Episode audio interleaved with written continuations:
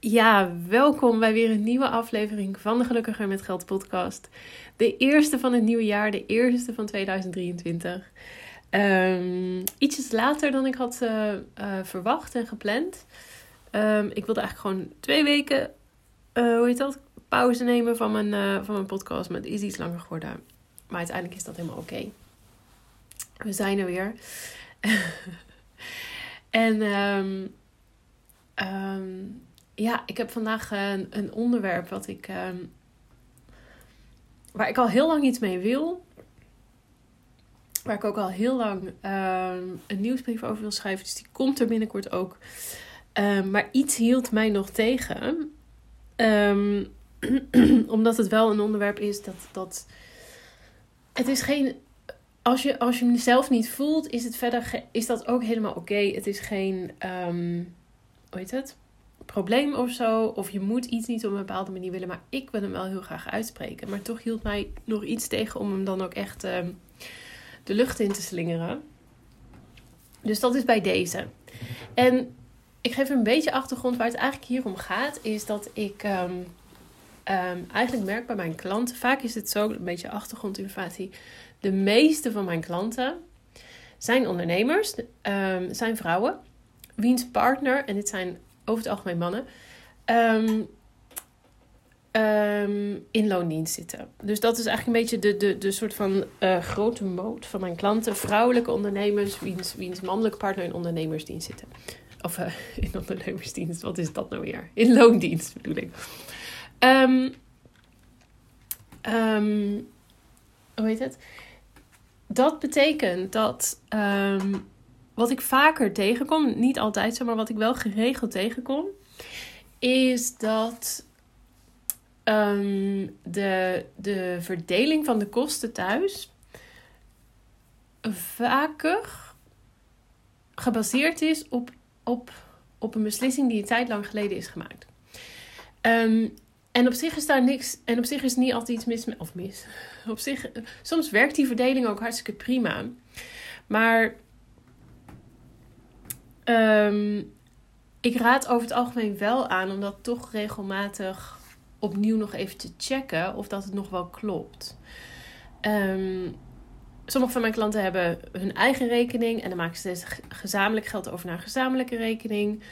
Sommigen hebben alles op één hoop. Dat, dat mag allemaal. Dat zijn allemaal persoonlijke keuzes. Daar is verder niks mis mee. Maar sommigen hebben geen gezamenlijke rekening. En wat er dan gebeurt, is Ehm, dat, dat de partner, dus hè, in het geval van mijn klanten, meestal de man, de tussen aanhalingstekens grotere uitgaven doen. Dan mag je denken bijvoorbeeld aan de hypotheek, die hoor ik vaak. En dat de vrouw de, de ja, tussen aanhalingstekens kleinere uitgaven doen. En dan wordt vaak als voorbeeld gegeven, ja, de boodschappen of zo, of weet ik het allemaal wat. En soms is het ook inderdaad zo dat die verdeling, ik geef even de hypotheek en hoe heet dat, eh, als voorbeeld.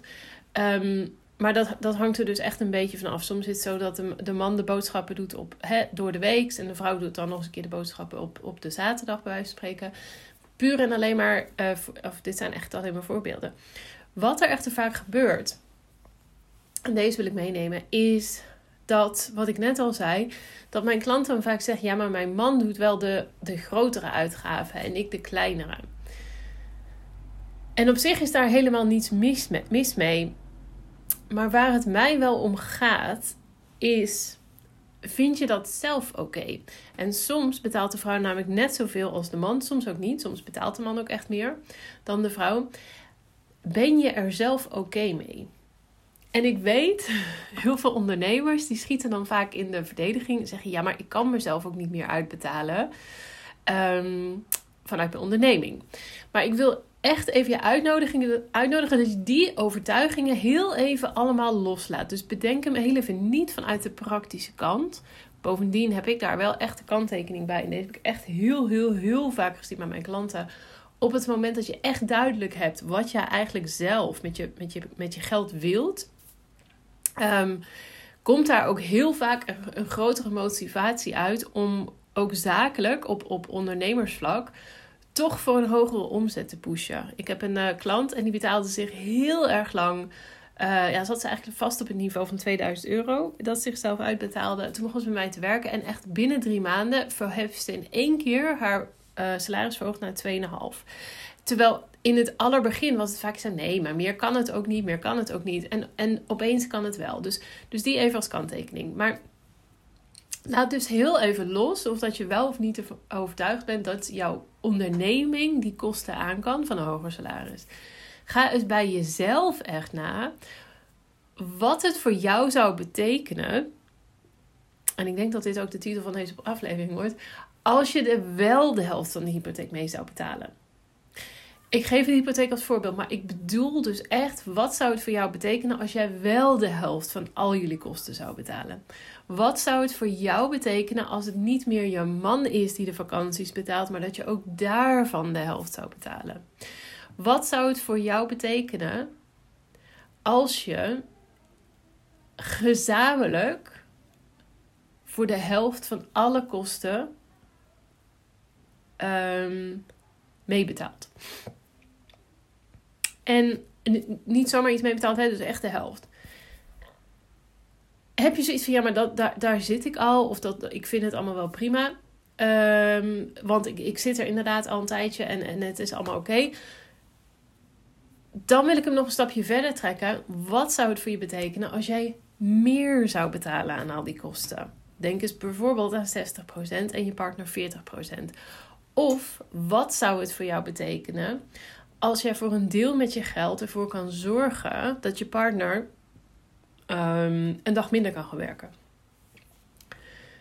Nogmaals, en ik weet dat het nu heel, heel, heel veel voorkomend is dat je nu allemaal weerstand en, en, en um, blokkades of hoe heet die dingen? Um, overtuigingen voelt komen van ja, dat kan bij mij niet, of dat wil mijn man helemaal niet, of dat past bij ons niet, of weet ik het allemaal wat. Maar echt, bekijk hem echt eens vanuit jezelf en dus niet vanuit um, je huidige financiële punt.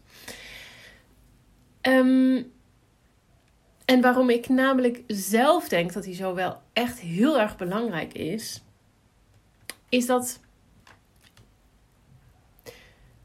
En deze klinkt misschien heel flauw, of misschien heel erg um, beschuldigend. En dat bedoel ik absoluut niet. Maar jij wilde zo nodig ondernemer worden. en nogmaals, dit bedoel ik, hier bedoel ik helemaal niets verkeerds mee. Maar jij was degene, gok ik, die heeft besloten dat je ondernemer wil worden. Mijn kat gaat ondertussen even recht langs mijn telefoon eten, dus dat hoor je misschien. Maar jij wilde per se ondernemer worden. Hoezo is het oké dat je dan niet minstens de helft bijdraagt?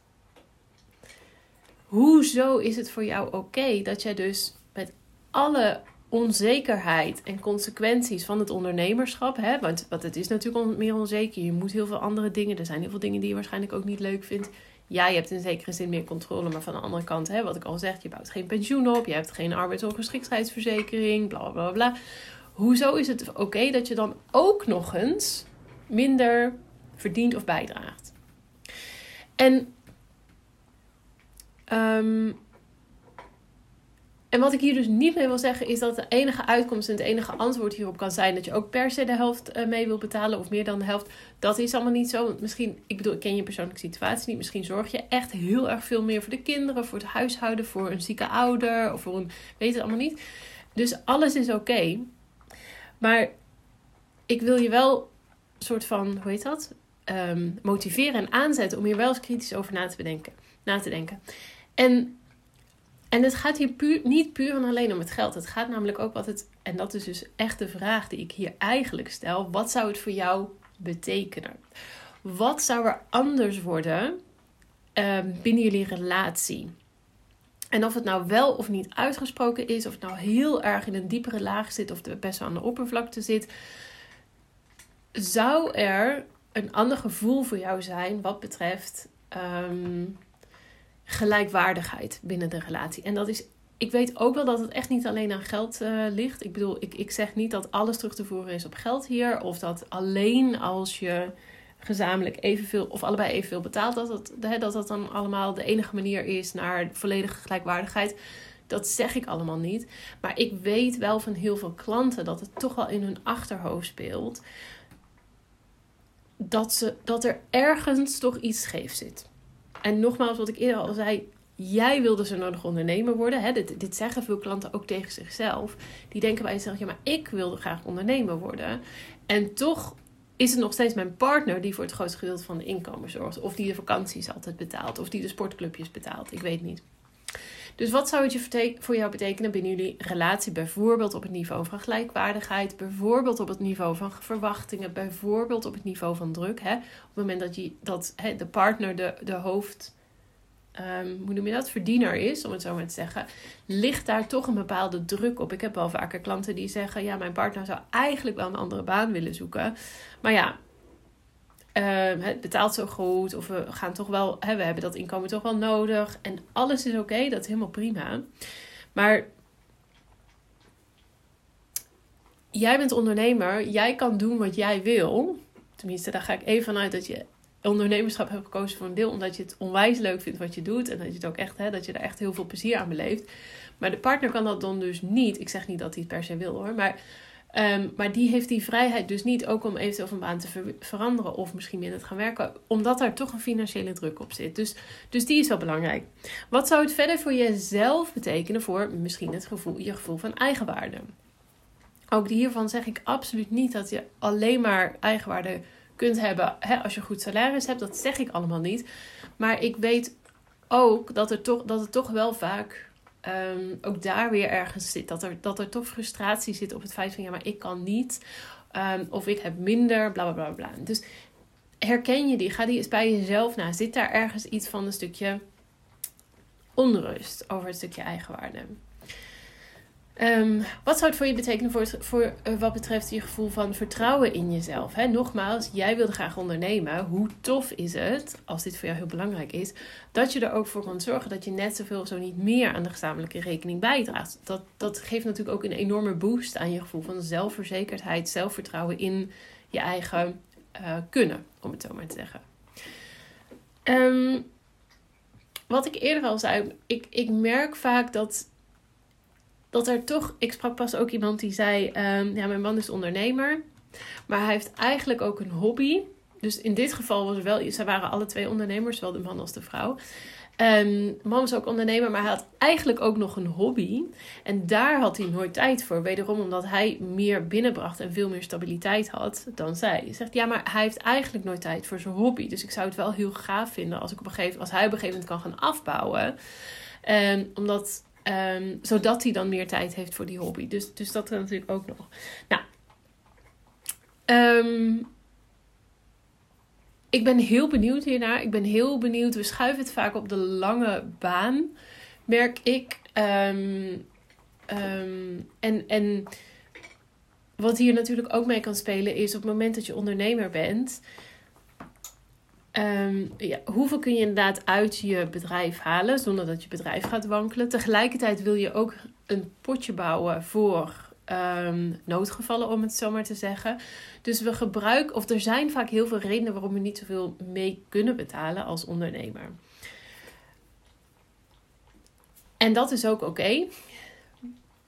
Mm, maar zorg wel dat die voor jou klopt. En zorg dus wel. En als je inderdaad echt voelt van: oh ja, cool, ik zou het wel echt heel erg gaaf vinden als ik net zoveel kan meebetalen. Want wat er vaak natuurlijk is: hè, de man betaalt dan bijvoorbeeld de hypotheek en de vrouw de boodschappen. Of de man de hypotheek en de door de weekse boodschappen. En de vrouw de week, de, hoe heet dat? Zaterdagboodschappen. Plus alle sportclubjes en de um, drogist en weet ik het allemaal wat vaak als je het dan op papier gaat zetten, kom je er misschien achter dat je misschien wel meer meebetaalt dan je eigenlijk denkt. En, en dit geldt vaak ook voor de partner. Dus de partner heeft dan zo, ja, maar ik betaal de hypotheek en ik betaal ook nog de boodschappen.